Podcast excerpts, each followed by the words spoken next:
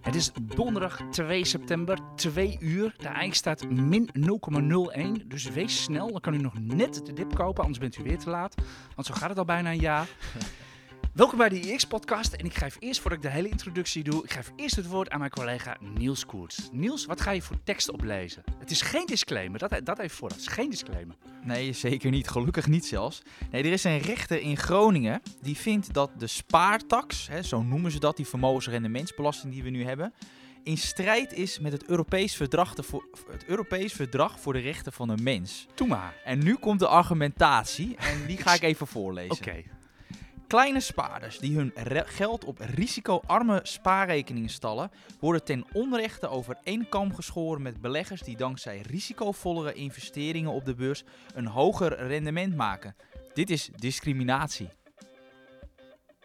Eh, ja, maar hij zegt het toch zelf al, hoger risico? Ja, dat, ja maar dat is dus. Ja, maar dat, dat, ik snap het ook al niet. Hoe, hoe, hoe gelukkig is dit maar één rechter in Groningen. Zijn er andere rechters Je in. weet dat ik Groninger ben, Niels. hè? Ja, ja, maar goed, ja, Groningers, eh, niet iedere Groninger eh, heeft, is heel erg intelligent. Maar, eh, maar eh, wat ik, gelukkig zijn er ook andere rechters die er anders over denken. Maar ja, dit, dit las ik in de Telegraaf, deze argumentatie. En ja, ik, dat, ik viel toch letterlijk bijna van mijn stoel. Ehm, want in feite, dat hogere rendement, ja, dat behaal je alleen maar door het nemen van meer risico's. En eh, ja, het feit dat je dat risico niet wil nemen, ja, dan in feite ja, verdien je dan ook een lager rendement. Dus. Ja, we, zien, we zien het inderdaad. Het risicovrije rendement, dat is natuurlijk op AAA-staatsobligaties. Nou, hier in Europa is het natuurlijk eh, allemaal minder zijn dat. En inderdaad, spaargeld, het, ja, daar lever je...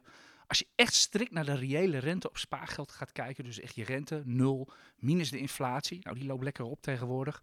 En dan ook nog ja, je eigen belastingtarief, dat is tegenwoordig niet meer bij iedereen hetzelfde. Eh, ja, kan je gewoon uitrekenen wat je, wat je op je spaarrekening maakt. En dat levert risicovrij rendement op. Maar dat je daar geen 1,2% meer over hoeft te betalen, is gelukkig wel, eh, wel achterwege, eh, Niels. Of niet? Ja, ja. ja, maar dat, dat is dus, dat is dus het, het aparte. Want je ziet nu echt dat de druk weer op Den Haag wordt eh, opgevoerd. Want ja, we zijn, bezig, we zijn nog niet eens begonnen met de formatie in Den Haag. Maar ja, dat moet natuurlijk een keer gaan gebeuren. En je ziet dat maar dit dus, is toch geen beslissing die een demissionair kabinet kan nemen? Nee, niet. Maar wel waarschijnlijk een nieuw kabinet. En, en daardoor is er ook een brief gekomen van ja, financiële beroepsorganisaties. En die doen echt een oproep aan de staatssecretaris eh, Hans Vuilbrief, de staatssecretaris van Financiën, om toch echt een vermogenswinstbelasting in te voeren. Dus belasten op basis van het eh, ja, werkelijke rendement.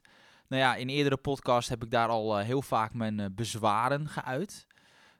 Ja, want ook gewoon omdat ik het niet eerlijk vind. Omdat ja, een hoger rendement haal je dus omdat je dus meer risico neemt. En waarom zou je dan meer belasting moeten betalen? En, en dat vind ik nog, nog veel belangrijker, je gaat weer een hele... Veel, veel meer regels, het wordt allemaal weer... Nu is het heel duidelijk, heel gestandardiseerd. De overheid weet meteen wat je moet belast, betalen aan, aan, aan vermogensrendementsbelasting. Maar op het moment dat het op basis van werkelijk rendement gaat... dan, dan krijg je weer allerlei proberen ja, partijen allerlei routes te vinden om toch weer wat te kunnen ontwijken. Je gaat waarschijnlijk met je aangifte natuurlijk weer een heel pak papier moeten inleveren. Nee, het is, eh, ik zit daar echt niet op te wachten. We zien wel tegen die tijd dat het zover is. Het zal genoeg uh, stof tot discussie opleveren. Dat komt ook wel in deze podcast terug, denk ik, uh, Niels. In ieder geval een lang intro de deze keer. Een mooi epiloog. Dat wel vermogensrendementsheffing, want daar komt het wel op neer. Hebben we allemaal mee te maken.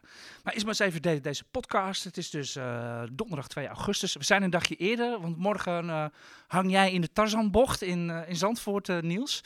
Ja, fijn Grote dat je, grijns. Fijn dat je rekening met me wil houden. Dat we dus okay. wat eerder zijn. Oké, okay, hij is bij de GP, dus uh, u, u, begrijpt het. Uh, vandaar deze podcast nu al. Maar we gaan zoals gewoonlijk, we kijken even naar de brede markt. Uh, we hebben ook nog wat over SNS op te merken zometeen. Zo we hebben het over cm.com, we gaan het over Philips hebben. We gaan het over uiteraard Galapagos hebben, Chinese aandelen. We gaan het ook nog even over de woningmarkt hebben, want het is vandaag uh, ook weer raak. Dus er zijn weer, er zijn weer maatregelen. En tot slot hebben we natuurlijk nog de luistervragen. En ik wil nog wat over Unilever zeggen. U ziet het vandaag weer hopeloos staan te bungelen onderaan de AX. Daar gaan we straks ook nog even uh, over, wat over zeggen. Ik wou eerst, Niels, we hadden het er net al even over. Ik, ik, ik pikte een stukje radio op bij BNR. Onderzoek van, van SNS Bank onder jongeren. Maar die, die beleggen veel, 1 op de 5 volgens dat onderzoek van SNS. En ja, die, de bank maakt zich erg zorgen over dat, dat, uh, dat jonge lui, laat ik ze zo maar even noemen dan, vaak gaan beleggen zonder, zonder buffer. En de dienstdoende presentator die vroeg netjes aan die mevrouw van SNS, waar beleggen jongeren zoal in? Dat hebben wij niet onderzocht, zei de SNS-mevrouw. En toen heb ik de uitzending stopgezet, Niels. Ja. Begrijp jij dat? Nou, dat snap ik wel. Want het maakt namelijk wel uit of jij dus belegt in uh, Nederlands staatspapier of belegd tussen aanhalingstekens in bitcoin. Dat, met hefboom. Ja, ook met hefboom er nog bij. Dus daar zit natuurlijk een heel groot ja, verschil in risico in. Dus dat, dat maakt wel uit. En, en, en om dan maar zo wat te roepen. Ja, precies. Ik, ik, ik, word wel eens aangesproken door, studenten of cetera, die, al, die gewoon alle indextrekkers uh, beleggen, et cetera. Nou, blijf dat vooral doen. En of je nou wel of geen buffer hebt, uh, zou voor mij betreft niet eens zoveel uitmaken. Maar als je echt in crypto's met hefboom gaat zitten werken of in risicovolle opties of wat dan ook ja, dan mag je echt wel een buffer hebben. En dat, ja, dat, ik vind het ook helemaal geen beleggen. Ik, uh, ik heb het ook aan mevrouw Van Geest gevraagd. Als u gaat kijken bij ons op de site, staat een interview met de AFM-voorzitter Laura van Geest. We hebben het over alles gehad uh, met haar, dus over crypto. Wees blij, want voor 2023 gaat er geen Nederlandse regelgeving komen. Zij ambieert dat niet, ze is daar niet mee bezig en ze past zich aan aan de Europese regelgeving, et cetera. Zegt het heeft geen zin dat wij als Nederland maatregelen tegen crypto gaan nemen. We wachten de Europese Unie af. Daar komt het een beetje op neer. We hebben het over turbo's gehad, we hebben het over duurzaam gehad. En we hebben haar natuurlijk, dat was onze eerste vraag zelf, natuurlijk ook nog even gevraagd waar ze zelf in belegt. En dat is, ze heeft leuke antwoorden gegeven. Dus staat bovenaan onze site, ga zeker even kijken. Maar ook mevrouw Van Geest wilde niet echt dat op dat, die termen... Ik, maak, ik heb zelf altijd de onderverdeling. Je bent aan het beleggen, je bent aan het handelen, je bent aan het speculeren of je bent aan het gokken. Bij mij is het heel simpel. Beleggen doe je voor wederkerige inkomsten dus voor uh, dividend, dus voor uh, rente, dus voor royalties van mijn part, huuropbrengsten, wat ieder jaar terugkomt.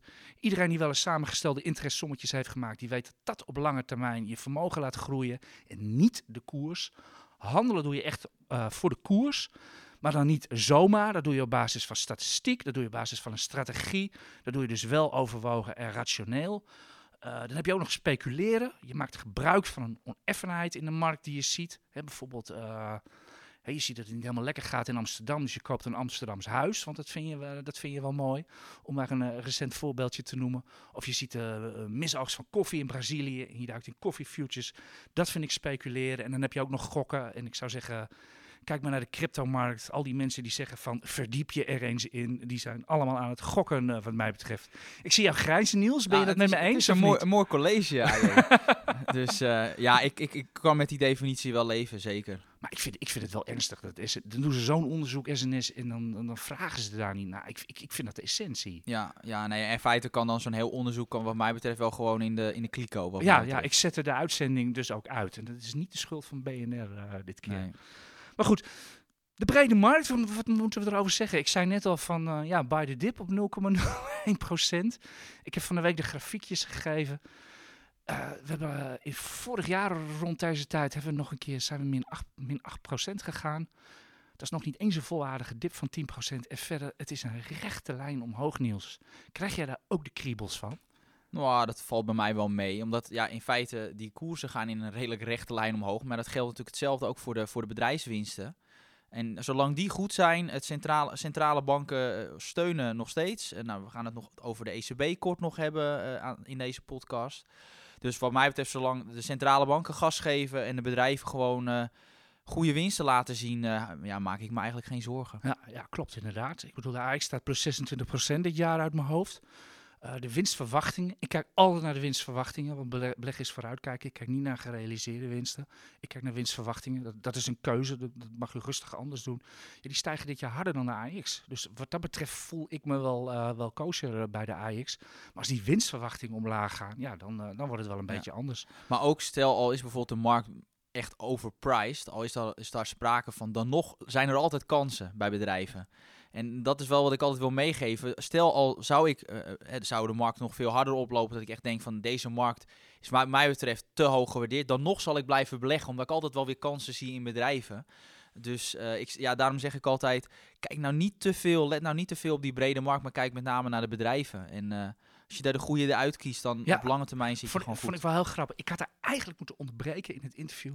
Laura van Geest had het er op een gegeven moment over van... ja, als ik naar de economie kijk en naar de beurs... dan, eh, zie ik daar wel een heel grote verschil in eh, staan. Ik had haar moeten onderbreken natuurlijk... en moeten zeggen van... ja, maar de beurs prijst winsten in, geen economie. Had ik dat moeten doen, Niels? Dat had je wel kunnen doen, ja. Oké, dat was misschien eh, het was ook meteen in het begin of zo. Misschien was ik nog een beetje eh, te veel van de indruk van de, van de autoriteit. Want ja, ze is toch, eh, ze is toch van de AFM. En ja, wij zijn, ook, wij zijn ook maar marktspelers. En ja, de AFM is toch wel een naam waar je rekening mee moet houden. Wat, ik, wat ik nog wel wou zeggen. mevrouw van Geest die noemde de markten exuberant. Eh, gisteren had de FD een artikel wat te doen bij een crash. En eh, ik, ik, ik zie veel meer eh, crashverhalen weer. eh, De Europese, ja, de Europese marktwaakhond A- ESMA ook Ja, waarschuwt. ook, hè? Ja. Dat is eigenlijk wel een goed teken. Als iedereen waarschuwt, dan Ja, kan dat, verder dus ook. Een, een kracht komt als een dief in de nacht. En als niemand het verwacht. Als iedereen ja, inderdaad kracht aan het roepen is. En dat, ik vind het ook wel logisch, net wat ik zeg. We hebben al zo lang geen correctie gehad. Het, het, het gaat... Maart 2020. Ja, die wel. Maar dat was ook meteen een quadruple eh, dip. Eh, meteen, vond meteen, weer in, meteen weer in de overdrive dan nou ook. ja, ik, ik vond dat nog maar je, je, je snapt wat ik bedoel. We gaan Ja. al een maand, eh, jaar lang recht omhoog. En dat gaat tegen je gevoel in. We moeten af en toe dalen. Die haaientanden in de, in de, in de koersgrafieken, we kennen ze allemaal. Dat is toch, dat is toch een beetje onze natuur. Dus, eh, maar ja, dit is wel wat jij, wat, wat jij zegt. Als iedereen ervoor waarschuwt, eh, ja, dan, dan komt hij niet. En eh, dat zal niet voor het eh, eerst in de geschiedenis zijn. Er zijn al 10 miljoen krachts eh, voorspeld, als het er niet meer zijn. Maar er zijn er eigenlijk maar een paar gekomen. Ja, ja, er zijn ook mensen die dus nu denk ik al wat zal sinds de crisis, sinds 2010, een kracht voorspellen. En dan zit je al 11 jaar tegen de markt in. Ja, ja, ja die mensen ook. En die praten. roepen dat nu nog schaamteloos. Dat zijn mensen die meer rendement gekost hebben dan... Ja, en, en, als, en ze goed zitten, dan zijn ze ineens een... ja, ja, ja, daar wordt er ook altijd aan gerefereerd. Was, was een mooi Ja. voorbeeld van de week. Henry Paulson werd, werd opgevoerd. Eh, die zei van dat hij bitcoin niks, eh, niks vond, et cetera. En waarom werd hij eh, opgevoerd? Want hij had de huizenmarktcrisis in 2008 voorspeld. Heeft hij inderdaad, had hij met, met Goldman Sachs een mooi dealtje over gemaakt. Heeft die man miljarden mee verdiend. Echt niet normaal. Dat was een groot succes. Sindsdien heeft hij niet veel zinnige, mm, sindsdien is er niet veel zinnigs meer van hem vernomen. Dus in hoeverre dat er nog relevant is. We zien allemaal wel eens een keer wat goed, niet? Ik bedoel, en, en, me- en meestal fout. Ja, nog iets eh, nieuw- nieuws wat, wat, wat ook... Oh ja, wat ik nog even wou zeggen over... Als u echt bang bent voor een crash of wat dan ook... ehm, ik zelf beleg er gewoon doorheen. Dat is mijn strategie. Ik koop iedere markt. Ehm, als, u, als u ook van buy and hold bent, dan is een kracht. eh, laat het u gewoon overkomen. U wordt eh, geknipt en geschoren en daarna gaat u gewoon weer fris verder. Uiteindelijk als blijf, bedrijf blijft bestaan en weer, gaan, eh, weer, weer, weer meer winst gaan maken, gaat de markt weer omhoog. Zo gaat het al vier eeuwen. En anders als u eruit wil, ja, dan moet je gewoon stop los inleggen, toch? Ja, nou ja, ik, ik, ik bekijk het zo als lange termijn belegger. Iedere dag dat je niet in de markt zit, dat kost geld. Omdat de beurs gemiddeld gezien omhoog gaat. Dus iedere dag dat je wacht, zo eh, kost het geld. Dus zo moet je een beetje denken op het moment als het net tegen je inloopt.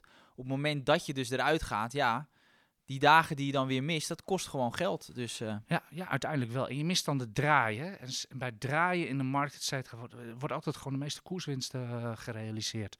Maar ook verlies natuurlijk, hè, naar, naar boven toe. Het is altijd eh, yin en yang, zeggen de Chinezen toch? Yin en yin en yang? Ja, dat zou kunnen. Ja. zoiets. De maatregelen op de woningmarkt nog even, Niels, om het brede rondje maar even af te maken. Beleggers mogen geen, eh, geen woningen meer kopen, daar komt het op neer. Je moet, als je een woning koopt, moet je er zelf in gaan wonen. Gaat dit helpen? Nou ja, ik geloof dat wij een, eh, een paar weken geleden Madeline Buis hadden van eh Ja, ABN van ABN AMRO. AMRO hadden we het over de huisprijzen. ja. En, en wat zij zei, ze zei ja, er zijn niet alleen koopwoningen meer nodig, maar ook gewoon veel meer huurwoningen in de vrije sector. En wat ga je doen op het moment dat je dus in de grote steden grotere beleggers gaat weren, eh, die dus geen niet extra eh, woningen mogen kopen om het dan weer te verhuren. Dan krijg je dus weer een kleiner aanbod van huurwoningen in de vrije sector. En wat gaat er dus gebeuren als er weer minder eh, huurwoningen worden aangeboden? De huurprijzen gaan omhoog. Dus of de huren gaan omhoog. Ja, dus dat, dat, dat lijkt, dat zijn dan, dat is dan heel leuk, hè? Weet je, het zijn vaak ook de steden waar, nou ja, Ja, het, zijn altijd de, neven, het zijn altijd de neveneffecten, hè? ja, het En, zijn natuurlijk eh, de steden. Hè, de, nou ja, dat is heel leuk hè, voor naar, naar de achterban natuurlijk. Van nou, kijk, we, we pakken die beleggers pakken we echt aan. Maar het helpt niks. Het maakt het alleen maar erger. Dus ik vind het, eh, ik vind het echt, eerlijk gezegd, vind ik dit populisme. eh, ja, vind ik ook. Beleggers zijn niet de oorzaak van het probleem, ze zijn gevolg van het probleem. Ik, heb, ik vond hem zelf eigenlijk wel leuk voor mezelf. Ik heb vandaag getwitterd. Eh, Ehm, de weg naar nog hogere huizenprijzen is geplaveid met goede bedoelingen. En meer regels, toch? En meer, en meer regels. Ja, ik zou zeggen, we zijn al sinds, sinds de Tweede Wereldoorlog zijn we al de huizenmarkt aan het reguleren. Of misschien al sinds, sinds begin, eh, begin 20e eeuw, toen de, toen de woningwet eh, de, de kwam. Ik zou zeggen, al die goed bedoelde regels hebben geleid tot waar we nu staan. Ik zou zeggen, ga gewoon eens regels schrappen. Probeer het zo eens een keer. Ga gewoon een hele berg regels down the drain en dan maar eens kijken wat, eh, wat er gebeurt. Misschien, Ja. mis- misschien is een, misschien een Of, keer of, een ander idee. of gewoon veel bouwen. ja, Dat zou ook wel helpen, denk ja, ik. ja, ja, maar ik weet in ieder geval ook wel van, van makelaars, et cetera. Die, die redeneren ook. Hoe meer regels, eh, hoe meer regels, hoe hoger de prijzen. En nu denk ik dat het hoogste tijd wordt. We zijn al een kwartier aan het praten, Niels, dat we maar eens even naar de aandelen gaan. Vind je ook niet? Ja, dat, eh, dat kan hoor. Ik- Oké. Ik, denk wel een aandeeltje wat vandaag in de schijnwerper staat. Dat is cm.com. Ja, En, eh, zes pagina's. Ze geven een eh, converteerbare obligatie uit. 100 miljoen voor institutionele beleggers. Dus het was niet voor ons. Het was ook volledig geplaatst vanochtend. Waarom dit? Dat er, dat, er, dat er wat aan staat te komen bij eh, CM.com, dat is duidelijk. Koers staat hoog, het is een groeibedrijf, ze hebben altijd geld nodig. Maar waarom niet gewoon een aandelenemissie? Waarom dit, eh, Niels? Nou, kijk, op zich is het een, eh, een mooi middel. We hadden ook afgelopen maand, inderdaad hadden we ook al gezegd van nou, we zien dat, dat, dat de kaspositie van, van CM.com toch nog wel wat mager is. Dus we verwachten gewoon dat ze met een emissie komen. Nou, het is geen emissie geworden, maar dus een converteerbare obligatie. En dat lijkt er een beetje op. Want wat, is, wat houdt dat nou in? Eh, het is in feite een lening tegen een lage rente. Maar als de koers bijvoorbeeld 30% oploopt in het geval van CM.com, dan kunnen die houders van, die, van dat schuldpapier kunnen het omwisselen in, in nieuwe aandelen. En het voordeel voor het bedrijf is van een converteerbare obligatie is dat je leent tegen relatief lage rente. Ja, 2 procent. En als het wordt geconverteerd in nieuwe aandelen, heb je relatief weinig eh, verwatering, omdat dat tegen een hogere koers gebeurt. Dus als je nu zou emitteren, eh, dan heb je inderdaad niet dat je rente hoeft te betalen, want het is geen lening. Maar dan zou het gebeuren waarschijnlijk iets onder, tegen een koers onder de slotkoers van, van vandaag. En nu, als die emissie plaatsvindt, dan kan dat dus alleen op het moment dat die koers flink omhoog gaat. Dus dan heb je in feite minder verwatering. En dat is waarom eh, bedrijven soms ook kiezen voor zo'n converteerbare obligatie. Je zei ook ehm, eh, net van nou alleen maar institutionele beleggers mogen meedoen. En dan is natuurlijk de vraag waarom mogen particuliere beleggers niet meedoen? Nou, daar heb ik eigenlijk een simpel antwoord voor. Nou, daar gelden eh, nieuwe, meer regels. Dus op het moment dat particulieren daar, eh, daarin meedoen, dan moet, ja, daar gelden gewoon meer regels. Eh, want ja, beleggers die moeten een soort van beschermd worden. Er zijn allemaal regels voor dat, ja, dat, dat dan moeten ze met alle extra documenten komen. Dus dat is voor, eh, voor zo'n bedrijf minder interessant. En daarom zetten ze het weg bij institutionele beleggers. Maar goed, de, de echte reden dat ik denk dat het omlaag gaat, is niet zozeer alleen maar... ja, want er staat gewoon, wat staat er, min 5 Min of zo? 6, ja. het natuurlijk heeft- speelt wel een deel, zal te maken met die converteerbare obligatie, omdat er in de toekomst wat nou, verwatering kan optreden. Maar het is ook zo dat de oprichters, eh, Gerben Gooyers en Jeroen van Glabbeek, samen 250.000 aandelen verkopen, wat dan weer 1% is van het aandelenkapitaal. Dus ik denk dat dat meer de trigger is, dat ja, dat toch oprichters wat verkopen, ja...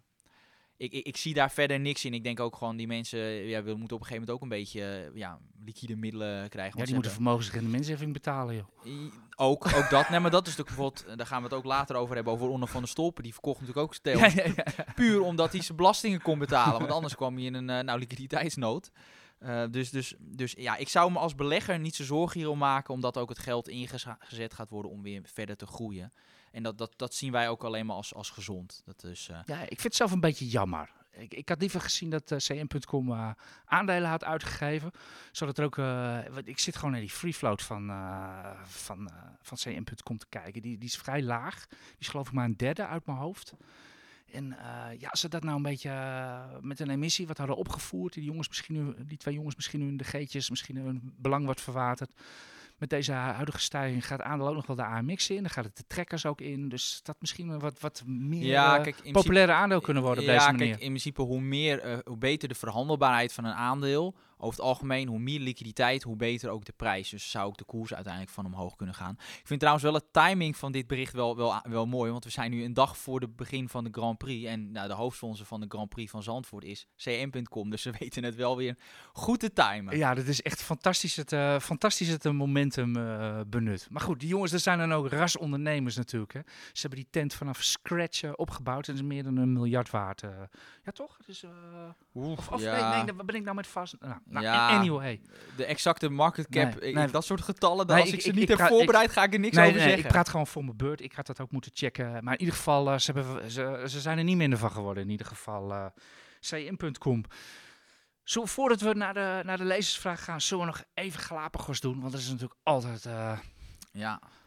ja, kijk, als je CEO bent van een bedrijf, is er één ding wat je niet wil. Is dat als je bekend maakt dat je aftreedt, dat dan de koers eh, 7 tot 8 procent omhoog gaat. Want daarmee zeg, is dat is in feite een motie van wantrouwen van de markt eh, naar, in, in de richting van jou als persoon. Dus eh, het viel mij wel op hoor, omdat eh ja, nou, iedereen, het is natuurlijk de laatste jaar is natuurlijk alles ja. Galapagos was, Ja, was Onno. Ja, Ja. ik wou eens bijna zeggen is Onno. Maar, nu niet eh, meer. Maar, eh, ja, maar toch, eh, de laatste jaren is echt alles misgegaan. Maar als je per saldo kijkt sinds zijn aantreden, eh, dat heb jij eh, laten zien in je, in je live blog, heeft hij gewoon een outperformance gehaald ten opzichte van de AX met Galapagos. Dus Ja, hij heeft van, van iedere euro heeft hij er eh 6,75 gemaakt. Ik heb het precies uitgerekend. Dus ja, dat is in 16 jaar is dat een, eh, is dat een meer dan acceptabele trackrecord. Ja, het hij was helaas wel wat meer, ja. ja. En, en ik denk eh, ook dat niemand vanaf het begin in zat. Iedereen kwam Nee, later. nee, precies. Iedereen heeft natuurlijk zo ergens tussen 100 en 250 gekocht. eh, of ik denk eh, de grote groeggemeente. Dus de meeste mensen gaan er denk ik met een hele vieze smaak eh, uit. eh. Niels, ik noemde van de week, ik noemde, ik noemde Galapagos een, een soort van eh, reversed spak eigenlijk. Van, eh, we hebben een bedrijf, we hebben prachtig personeel, want er werken echt wel knappe koppen bij, eh, bij Galapagos. We hebben een zak geld van 5 miljard. Maar wat gaan we eigenlijk doen? Wat gaan we eigenlijk maken? Geef ik daar de beleggingspropositie, doe ik die, Ja. die daar een beetje recht mee? Ja. Ja, kijk, het risico van zo'n zak met geld en een koers die omlaag gaat, is dat je dan een nieuw management krijgt die dan maar, hè, toch maar eh, bijvoorbeeld een dure overname gaat doen. In de hoop dat het, weer, hè, dat het sentiment weer aantrekt. Dus dat is wel echt een risico van zo'n zak met geld. Misschien is dat ook wel een van de redenen waarom het aandeel onder die kaspositie eh, zit. Want in feite zegt de markt, Die prijs zal een dure CEO in. nou ja, maar ook gewoon dat er niks gebeurt de komende tijd. Ik heb ook wel eens met Martin daarover gesproken. Hij is dan onze analist van, eh, van Galapagos. En die zegt letterlijk, die rekent al met de kaspositie van over anderhalf jaar. Dus die, die zegt dan, die, dan is natuurlijk significant lager. Dus in feite geeft hij ook aan, ik verwacht de komende ander, anderhalf jaar helemaal niks. Maar het geld loopt er wel uit. Ja, het is ongeveer 500 miljoen per jaar. Hè? Ja. ja, dat zullen ze wel wat weten terug te brengen, denk ik. Maar eh, het geld holt wel de deur uit. eh. ja. maar je nog- mag toch verwachten dat, dat ze... Ze kunnen er echt wel wat. Als je, als je een, een, een, een reuma-medicijn hebt wat bijna is goedgekeurd... Ja, echt bijna, dan, dan kan je echt wel wat. Dus, eh, Bijna is nog niet helemaal, nee, dat ik vroeger al van oma. Nee. Ja. nee, dat is waar. Ja, dat, Dus, is, eh, dat is Galapagos wel het schoolvoorbeeld eh, van... overigens, ik, ik werd bestormd op Twitter weer en ook onder de stukjes, et cetera, met mensen die ja, Onno persoonlijk aansprakelijk stellen voor het drama. Ik, ik vind het allemaal volkomen onterecht. En heeft zelf ook al mee uh, culpa gemaakt van ik ben veel te optimistisch geweest. Dat zijn we gewoon allemaal geweest en dat ben u ook geweest als, Ja, u, er er- zijn u erin stapte. Er Ja, zijn inderdaad ook wel wat beleggers geweest. Ik, ik, ik heb zelf ook de aandelen en lees ook wel eens. ja jij bent forum- long, hè? ik heb ze niet. Ze, Nee, ik heb ze ze al zitten alleen in mijn trekker. Ik heb zoals het sinds 2015 en ik kocht ze op 40 en ik heb de ritje naar 250 meegemaakt. En weer terug naar 50. Wel tussentijds iets verkocht, maar dat was meer ja, voor een woning. Ja, het is gewoon een bleeder ook voor jou. Ja. Nou ja, nou ja, in principe voor mijzelf niet, omdat ik nog wat voor mijn woning nog wat kon verkopen. Maar in feite, de aandelen die ik nog heb, ja, daar staat een, een, een klein rendementje nog op van, dat zal zijn 20%. Maar de AX heeft het wel wat beter gedaan ja, in die precies. periode. Dus in feite is dat een, ja, gewoon een Hou jij ze? Ja, kijk, ik hou er niet van om, om aandelen te verkopen die onder de kaspositie noteren. Dat is als, als, als waardebelegger gaat dat echt in tegen mijn natuur. Ik ben ook niet echt een handelaar, dus ik laat het zitten. Maar ik kan, ik kan mensen ook niet aanbevelen, want aandelen kopen die echt in een downtrend zit, wacht daarmee. En er zit ook nog niet echt veel fantasie in, dus ik zou hiermee wachten. Dus eh, dat is Je krijgt nog wel je kansen. Ik denk dat we eerst maar eens even naar de lezersvragen eh, moeten gaan, Niels.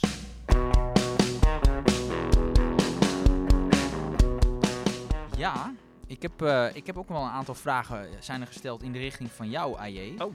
Dus eh, ja, en ik, ik begin met, het, met de, een stoksplit, want er is iemand ja, die, die zegt van ja, ehm, als ik kijk naar de koers van Argent, 2700 euro, Chris van der Woel stelt die vraag.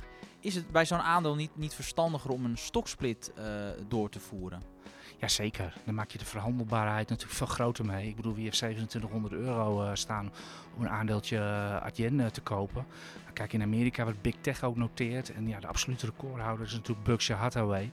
Ik heb niet gekeken wat, wat, het, wat het kost nu, maar u gaat echt stijl achterover.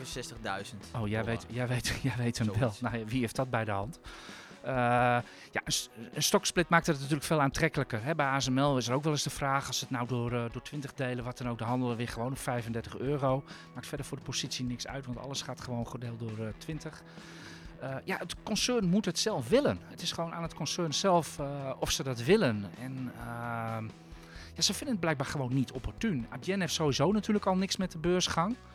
Die, die zijn, ik zou bijna willen zeggen, met frisse tegenzin naar de, naar de beurs gegaan. Om hun bestaande aandeelhouders een exit te, te bieden. Ze hebben het ook gepresteerd. Om, het is hier in Amsterdam altijd traditie uh, hier op de beurs. Ik kan ook echt zeggen hier op de beurs, want we nemen het echt hier op aan het Damrak. Daar zijn we heel trots op, hè Niels? Zeker.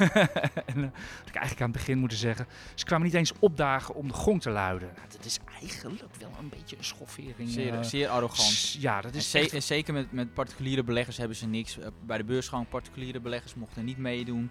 En deze koers is ook, ja, de meeste particuliere beleggers, ja, dat zijn toch, um, ja, die, die, die betalen niet 2700 euro voor een aandeel. Nee. Kijk, het kan wel, maar, maar kijk, ik weet zeker dat als ze gewoon door, door wat is het, door, door 100 zouden doen en dat je dan een koers van 27, kijk, dat het dan ook veel meer aanslaat bij, bij, bij de wat kleinere belegger. Terwijl het in feite dus niks uitmaakt. Nee, nee, nee. Ik denk dat bij ASML hetzelfde is. Om, er, zijn, er meer voorbeelden te geven natuurlijk. Ik neem even de bekendste. Maar uh, ja, die vinden dat die, de koers gaat lekker. Er is volop handel. En uh, die, zien er gewoon, die, die, hebben, die zijn gewoon met belangrijke dingen bezig, zeg maar. Ja. Daar, daar, komt het wel een beetje op neer. Maar ik, ik denk wel een, een, dat, een, dat ik denk zelfs dat de koers er wel iets door zou kunnen stijgen als je een stoksplit krijgt. Dat hebben we bijvoorbeeld bij Tesla toen gezien, toen die een stoksplit ja. doorvoerde. Omdat er gewoon ja, meer mensen een kans hadden om aandelen te kopen. Ja, en dan gaat daarom de ook. Ik bedoel, als ASML weer van 35 is, ja, dan wordt het voor veel mensen weer, uh, weer aantrekkelijk. Ik had het eerlijk gezegd ook bij, uh, bij Amazon verwacht. Dat Jeff Bezos het voor zijn vertrek nog zou doen, zodat Amazon ook nog de Dow Jones in zou gaan. Hè, dan kon de Wall Street Journal het, uh, het opnemen in die, in die index. Want er kan niet een heel duur aandeel in, omdat die, dat, dat is geen gewogen index. Daar zit gewoon de harde aandelenkoers van ieder aandeel zit in de Dow Jones. Moeten we maar eens even googlen. Die, die, die index zit, zit heel anders in elkaar. Ik kom ook nog wel een keertje uitleggen. Uh, had ik eigenlijk wel verwacht. Uh, een soort voor zijn ego, maar dat is ook niet gebeurd. Maar goed, laten we maar gauw doorgaan naar de volgende vraag. Ja, we blijven deze, leuteren. Deze ja. is helemaal, want jij bent een echte Shell-belegger. Uh, ik zit long. Dus, Dirk Hegge, hij heeft een vraag. Denken jullie dat Shell de komende jaren onder de 20 euro per aandeel zal blijven koersen? Ik denk, nou, dit is wel echt een vraag voor jou. ik zit me iedere dag te irriteren aan, aan de koers van Shell. Zoals het hard gaat, dan kijk ik nog van, ja, het gaat niet hard genoeg. Uh, ik voorspel nooit koersen. Ik, ik ben daar ook niet mee bezig. En uh, zeker bij Shell ben ik niet, niet, niet, mee bezig. Ik kijk alleen maar naar mijn dividendrendement. En dat is het enige wat mij boeit uh, bij Shell. Dat is nu hoeveel? Van, ja, dat hangt er vanaf voor hoeveel je erin bent gegaan. Ik zit nu op 5, ruim 5 procent. Maar bij de huidige koers? Bij, bij, de koers? bij de huidige koers, ja, zal het zoiets zijn. 4, 4, 4 procent of zoiets. Ja. Zal en doen ze aandelen inkoop nog? ja, ze verhogen het dividend weer langzaam. We zijn natuurlijk nog lang niet op het niveau van uh, voor uh, maart 2019. Toen de beruchte verlaging met twee derde. Dat gaat nog heel lang duren voordat ze weer op dat niveau zitten. Dus er zijn hier en daar echt lelijke pensioenbreuken. Uh, ja. dat, dat, weet ik, dat weet ik zeker. Uh, ja, wanneer is, ja ik, ik, ik, ik weet het niet. Koers voorspellen is echt niet mijn ding. Vraag het aan technische analisten. Ik, uh, ik ga er niks over zeggen. Nee, maar wat je al zei, ik zou, ik zou ook voor Shell niet vanwege de koers uh, erin zitten, maar puur vanwege dividend en natuurlijk wat mooie aandelen inkoop. Ja, zelf ben ik niet echt een oliebelegger. Nee, nee, nee. Ik, maar, ik ook niet. Ik beleg in energie, Niels, ja, niet in olie. Oh. Dat, is, dat is een fout die iedereen maakt bij Shell. Ja, olie en gas heeft iedereen het over, maar... Uh, je kan ook uh, energie gaan kopen bij Shell. Was deze week ook nog het dat nieuws. klopt, ja, ja. Dat was in het nieuws. Dus uh, komt de Shell-stroom uit de muur. Dus kijken we ook nog een vraag voor jou hebben, Niels. Ja, waarom volgen jullie Pinterest niet? Ja, ja Pinterest, ik, ik weet helemaal niks van het bedrijf hoor. Maar de, nou, wat het is met, met, met aandelen, we krijgen heel vaak heel veel verzoeken van, van mensen van kun je dit aandeel volgen, kun je dat aandeel volgen. Alleen ja, we hebben wel een beetje een maximale capaciteit. En uh, we willen echt, we kijken echt uh, bij de selectie van een aandeel.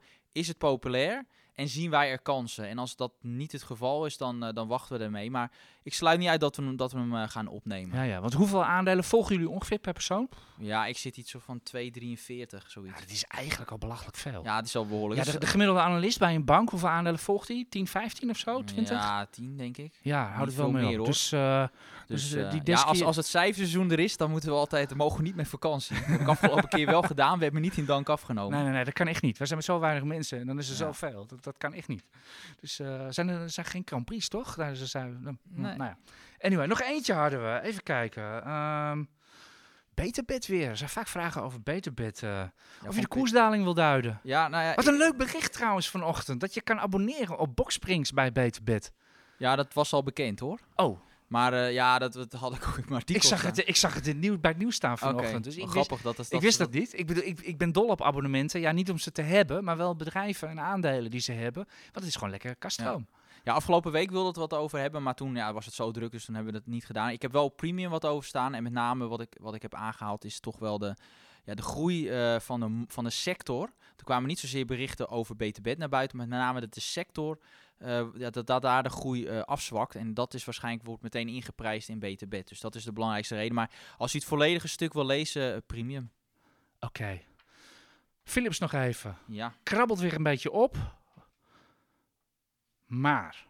Nou ja, kijk, op zich was er wel goed nieuws. Want eh, dat was, ik dacht, gisteren was dat nieuws bekend. Dat, eh, dat, ze, dat ze dus mogen beginnen met die eh, ademhalingsapparatuur dat te repareren. Want dan is de, is de eerste vraag, ja, waarom kan je niet meteen starten gewoon met die reparatie? Nou, er gaan ook weer nieuwe onderdelen in zo'n in zo'n ademhalingsapparaat. Eh, en en eh, dan wordt, dat wordt het product weer net iets anders van. En dan moet er wel zo'n eh, toezichthouder moet kijken of dat veilig is. Die nieuwe producten, die, er, of die nieuwe materialen, wat er allemaal in wordt gegooid. Ik weet, ik kan het technisch niet helemaal uitleggen hoe dat zit. Maar ja, dan moet, dan moet je gewoon op wachten. En dat duurde nog best wel, wel lang. Maar heeft, goed, heeft er dat te maken met ook de, de, de problemen in de supply chains overal her en der ter wereld? Ja, kijk, dat, is- dat zal wel. Nou, nou, dat is niet zozeer. Kijk, ze kunnen het wel repareren, maar ze moeten gewoon toestemming krijgen. Dus, nou ja, of, of, die, of, die, of die materialen veilig zijn. Of het product wat ze dus, het herstelde product, of dat veilig is. Nou, eindelijk groen licht. Dat is belangrijk, want nu heb je wat meer duidelijkheid dat, eh, dat binnen een jaar zou, zou alle appara- apparaten hersteld moeten zijn. En dat geeft wat meer zekerheid. En nou ja, dat eh, leidt ook tot een wat hogere koers. Ik heb ook mijn koersdoel er iets eh, naar boven bijgesteld daardoor. Wat ik ook wel wil meegeven is dat, ehm, zelf durf ik dat niet, maar ING heeft dat wel gedaan, dat ze een soort van schadepost, ze hebben een soort van een schatting gemaakt van de, van de schadepost en rekenen ze dus ook de rechtszaken mee, eh, ja, waar het bedrijf mee te maken krijgt. En dan komen ze uit op 5 miljard. Dat is heel fors, want dat is twee keer de verwachte winst over 2023. En dan pak ik dus 2023 omdat die dan niet ontsierd worden door die eh, problemen met die ademhalingsapparaten. Dus dat is vrij fors. Alleen, ja, ik, ik begin daar niet aan, omdat wij zijn geen juristen, ook bij ING niet. Dus ik, eh, ik, ik Nou, weet lopen niet toch hele bosjes rond bij je. Lopen Ja, meer juristen maar we- ja, dit- communicatieadviseurs dit rondom bankiers tegenwoordig. Echt hoor. waar, dat Amerikaanse rechtssysteem. Nou, we, we weten dat bij, we hebben dat geprobeerd met Bayer. Dachten we ook een goede casus te hebben van dit, moet, dit moeten ze wel, ze moeten wel die zaken kunnen winnen. Als je kijkt naar de, het bewijsmateriaal en gewoon kansloos. Dus wij beginnen daar niet meer aan. Dus, eh, dus ja, dit is gewoon, daarom zeg ik gewoon, ik weet niet hoeveel het gaat kosten uiteindelijk, maar daardoor een lagere waardering plak je dan op het aandeel. Hoeveel is er? De koers komt zeg maar van 50 naar 40 Ja. zijn we ongeveer gegaan. Is 20% Hoeveel van de marktwaarde is dat ongeveer? Oeh, Ehm, ik zou Ja, dat- niet eh, precies ja, weten. dat zal wel een miljard of vijf zijn, denk. Ja, het is wel een, een flink bedrag. Ik, heb, ik heb wel uitgerekend dat, dat op het moment dat, dat die rechtszaken, dat het uiteindelijk met een sisser eindigt, dat je in 2023, dus binnen twee jaar, wel op een koers van 55 aan 60 kan staan bij deze marktwaardering. En dan kijk ik ook naar de sector, hè, want stel dat de rente omhoog gaat, dan is het natuurlijk weer anders. Hè, met hogere rente gaan de waarderingen omlaag. Eh, maar als je kijkt naar dit huidige renteklimaat, met de huidige waarderingen van, van sectorgenoten, dan, eh, is 55, 60 euro haalbaar. Dus echt 50% stijging. En, eh, ja, maar dat is dus het, het hoge opwaarts potentieel. Maar ja, daar staat dus ook dat hoge risico tegenover. Dus Ja, zo werkt het uh, altijd. Zijn we eigenlijk weer terug bij af met hoe we de uitzending uh, begonnen. Met, uh, met hoge risico. Ja. Met hoge zo werkt het. Ja, Philips natuurlijk een prachtig bedrijf. meneer Van Houten, de CEO, heeft natuurlijk fantastisch gedaan. En dat is eigenlijk door één fout gaat dan alles gaat dan alles kapot. Het is gewoon een risico wat we, wat we lopen. We hebben natuurlijk ook bij Shell meegemaakt. Een bedrijf dat zo lang bestaat en dan ineens allemaal fout gaat. En hebben we er nog eentje, Niels. Vandaag, ik schrok ervan. J JP Morgan, dat is toch echt niet de minste. De grootste Amerikaanse bank. Die zetten gewoon vandaag Unilever op underperform. Snap jij dat? Uh, als je kijkt naar de redenatie van, uh, van JP Morgan, ja, kan ik, kan ik dat wel volgen, ja. Het komt er gewoon eigenlijk gewoon in, in het kort op neer. Ze vinden dat Unilever te weinig omzet en winstgroei gaat, gaat laat zien. Het probleem, dat is eigenlijk wel structureel, dat was onder de vorige CEO al zo, Paul Polman, en dat is nu nog steeds niet opgelost. En daar komt natuurlijk de pech van corona bij. Dus dat ook nog, is gewoon de omzetgroei. Dat is gewoon al, al heel lang een probleem. En JP Morgan, ja, die merkt fijntjes op, dus dat er nu nog een probleem bij komt. En dat is, de, dus de winst en de marge. Dat uh, is hopelijk uh, maar tijdelijk, maar het is er wel. En het is voor, uh, in ieder geval voor JP Morgan reden om het op underperform te zetten. Ik kijk even. U kan al deze data, vindt u overigens in het liveblog op IX vandaag, kan u alles zien. Alle plaatjes heb ik al gegeven. Uh, viel me op dat er veel meer analisten het op, op cel hebben staan. Het aandeel zit in een downtrend. En doordat die verwachtingen dalen, wordt het ook niet meer goedkoper. Het is niet duur. Uh, Unilever op dit moment 18 keer de verwachte winst betaal je. Je hebt een mooi dividendrendement van 3,5 procent. Um, ja, ik zeg het al, het downtrend. Ik denk niet dat er op dit moment... Uh, ik zit zelf eigenlijk ook met een schuin oog naar te kijken. Van, ik wil ze eigenlijk wel hebben, Unilever. Door het prachtige trackrecord van zo lang. En ze verdienen altijd geld voor je.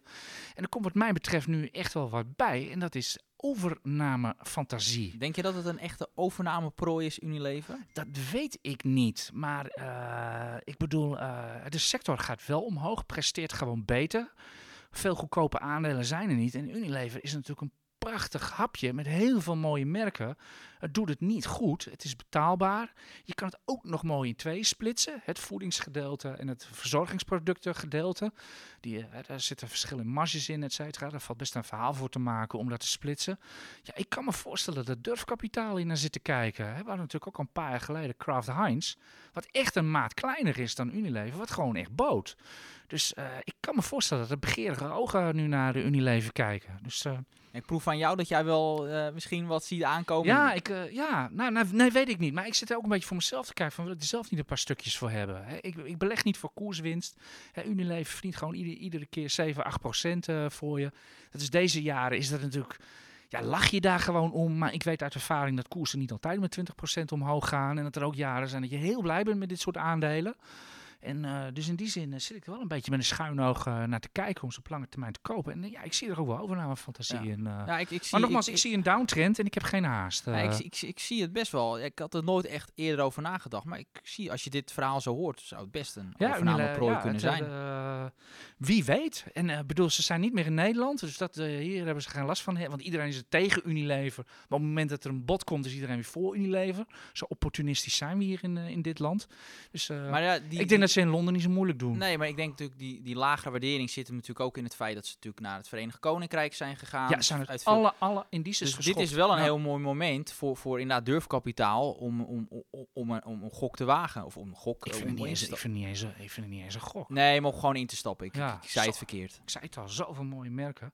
Goed, we, hebben, we zijn inmiddels alweer 37 minuten onderweg. Zullen we nog even afsluiten met de ECB? Volgende week hebben we een rentebesluit. De, deze week was er een... Uh, ik zag het voorbij komen. Uh, bekende Duitse twitteraar. Ik weet nog, ik vind, vind het zo moeilijk om zijn naam uit te spreken. Holger Sepit. Ja. Holger Sepit. Die ja. houdt het altijd zo mooi bij. Iedere week wat de ECB aankopen zijn. 139 miljard aan obligaties uh, en, en, en, andere PEP-middelen zijn er uh, vorige week gekocht. Zeg maar 139 miljard. Ik zou zeggen, vind er wat van. Er is niemand in die ECB-toren uh, die zich iets van u, wat van u aantrekt. Ik zou zeggen, profiteer ervan en uh, koop huizen, koop Vraag aandelen. niet hoe het kan, maar profiteer ervan. Precies, vraag niet hoe het kan. U moet de beurs niet begrijpen. Dat, die is niet te begrijpen. Die doet altijd raar, die doet altijd gek.